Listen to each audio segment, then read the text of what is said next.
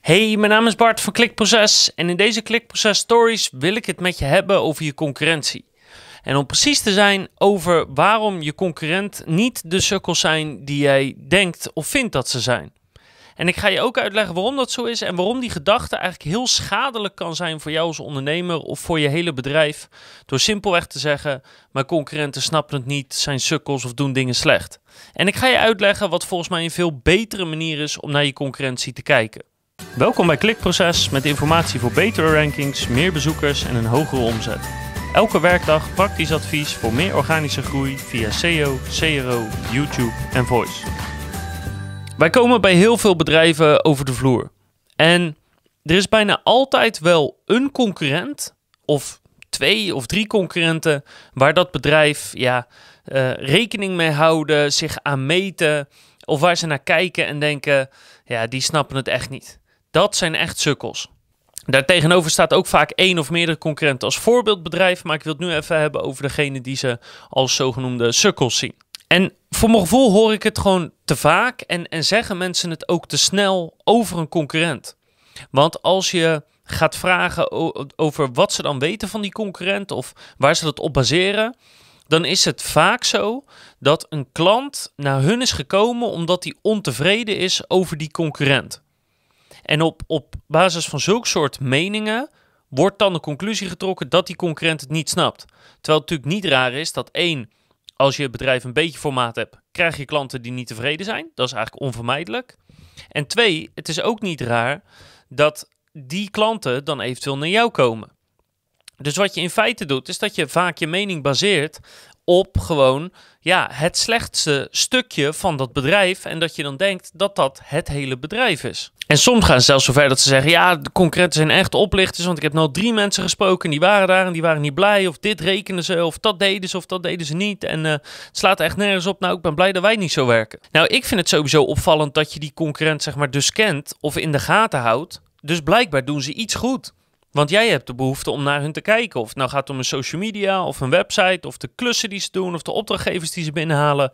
Er is toch blijkbaar iets wat dat bedrijf wel goed doet. Want waarom zou je ze uh, überhaupt in de gaten houden? Maar hoe zijn ze überhaupt op jouw radar gekomen? Dus wat het dan ook precies is, jij bent met die concurrent bezig. Dus dat alleen al is al een teken dat ze toch iets goed doen. Maar het tweede om te beseffen is, de kans is heel groot dat jij hier op kantoor of in de kantine of zo zit, zo zit te praten over die concurrent. En dat zij letterlijk op datzelfde moment met, met evenveel mensen precies hetzelfde zeggen over jouw bedrijf. Die kans is gewoon heel erg groot. Want of je nou bij kleine bedrijven of bij grote bedrijven zit, soms heb je het ook tussen hoofdkantoren en vestigingen of franchise-nemers, gaat, gaat het ook zo heen en weer. Maar wat het ook is, die anderen snapt er niks van. Maar als jij dat over hun zegt, en wetende dat zij dat waarschijnlijk over jou zeggen, dan is dat toch een beetje raar en eigenlijk ben je dan toch geen haar anders dan je concurrent. Eigenlijk zit je dan toch een soort jezelf indirect belachelijk te maken. Kijk, wat mij betreft is sowieso een bedrijf dat een aantal jaren of misschien wel tientallen jaren bestaat, is een bedrijf die een bepaalde waarde heeft voor een bepaalde groep mensen. Want anders kan je waarschijnlijk niet zo lang blijven bestaan.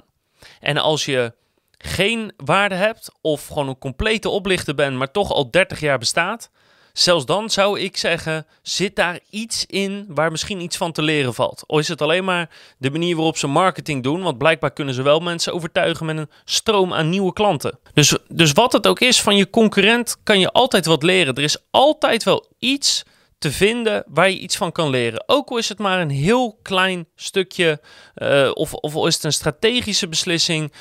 Weet je, ik vraag me wel eens af van hoe goed heb je nou echt naar je concurrent gekeken voordat je wat ziet? Heb je echt gezien wat voor werk ze doen? Uh, voor welke prijs, met welke voorwaarden, op welke manier en waarom ze voor die manier kiezen? Heb je dat nou echt eens gezien en niet één keer gezien, maar een aantal keer gezien? Heb je ooit wel eens met tevreden klanten gesproken van, van dat bedrijf? Dus niet mensen die ontevreden waren naar jou toe kwamen. Nee, mensen die tevreden waren, die er al jaren klant zijn. Wat hebben die erover te zeggen? Wat doen ze blijkbaar goed dat ze daar nog steeds zitten? Want mijn ervaring is, als je echt goed gaat kijken, dat de meeste concurrenten van ons, maar ook van onze klanten, toch best wel een hoop dingen eigenlijk best wel goed doen. En nee, ook daar is niet alles perfect. Net als bij ons niet, of net als bij jou niet als je nu zit te kijken. Nergens is het perfect. Maar je concurrent doet waarschijnlijk best wel wat dingen eigenlijk stiekem best wel goed. Of misschien net hetzelfde als dat jij het doet. Alleen dat weet je niet omdat je nooit echt goed de tijd hebt genomen om te kijken. En daarom denk ik ook dat er altijd wel iets van je concurrent te leren valt. Eh, dat kan iets groot zijn, maar dat ook, kan ook iets kleins zijn. Weet je, waarom nemen ze een bepaalde strategische beslissing? Uh, waarom hebben zij een laagste prijsgarantie? En moet ik dat dan ook doen? En zelfs als, uh, als zij de laagste prijsgarantie hebben en jij wil dat niet, dan kan je nog wel begrijpen van oké, maar waarom doen ze dat dan? En wat is, de, wat is de strategie erachter? En hoe hebben ze het bedrijf daarop ingericht? En kan ik daar iets van leren? Of in het slechtste geval, um, ik wil dat niet. Maar klanten kiezen toch blijkbaar wel op sommige momenten voor dat bedrijf. Hè? Die laagste prijsgarantie heeft wel een bepaalde aantrekkingskracht. Hoe kan ik de propositie van mijn bedrijf in mijn offertes verbeteren om daar tegen in te gaan? Maar er is altijd wel iets te leren van de manier waarop ze wat aanpakken, hoe ze dingen plannen, uh, hoe, hoe, ze offertes binnenhalen of winnen, of hoe ze met klanten omgaan, of de klantenservice, of van mij de software die ze gebruiken. Weet je, je maakt mij niet wijs dat als jij is een week in het bedrijf van je concurrent mocht lopen en alles mocht vragen en alles mocht zien, dat je dan niet iets zou kunnen leren. Nou, en natuurlijk kan dat in de praktijk genomen niet, maar je zou wel je, is je best kunnen doen. Door bijvoorbeeld eens een offerte erbij te pakken, maar niet alleen te kijken naar de prijs en de dienst die ze er tegenover zetten. Heel, dat, dat stuk echt heel basic, heel simpel. Maar hoe stellen ze hem op? Hoe vaak bellen ze na? Wat voor contact hebben ze? Wat benoemen ze in een offerte wat jij misschien niet noemt?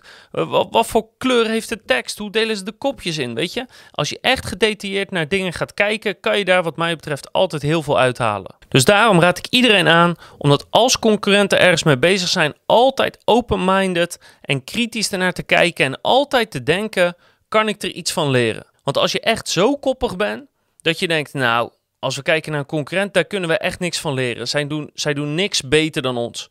Ik als ondernemer of op persoonlijk vlak of op, op bedrijfsmatig vlak kunnen we gewoon helemaal niks leren van onze concurrenten, want het zijn allemaal sukkels. Want als je echt kritisch en open-minded naar je concurrenten gaat kijken, naar wat ze doen, naar hoe ze dingen doen, waarom ze dingen doen, en je kan daar niks van leren, je kan niks leren van de medewerkers daar. Je kan niks leren van de processen.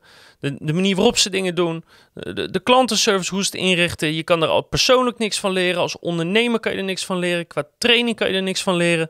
En in feite zeg je gewoon: al onze concurrenten zijn slecht. Wat mij betreft ben je dan pas echt sukkel.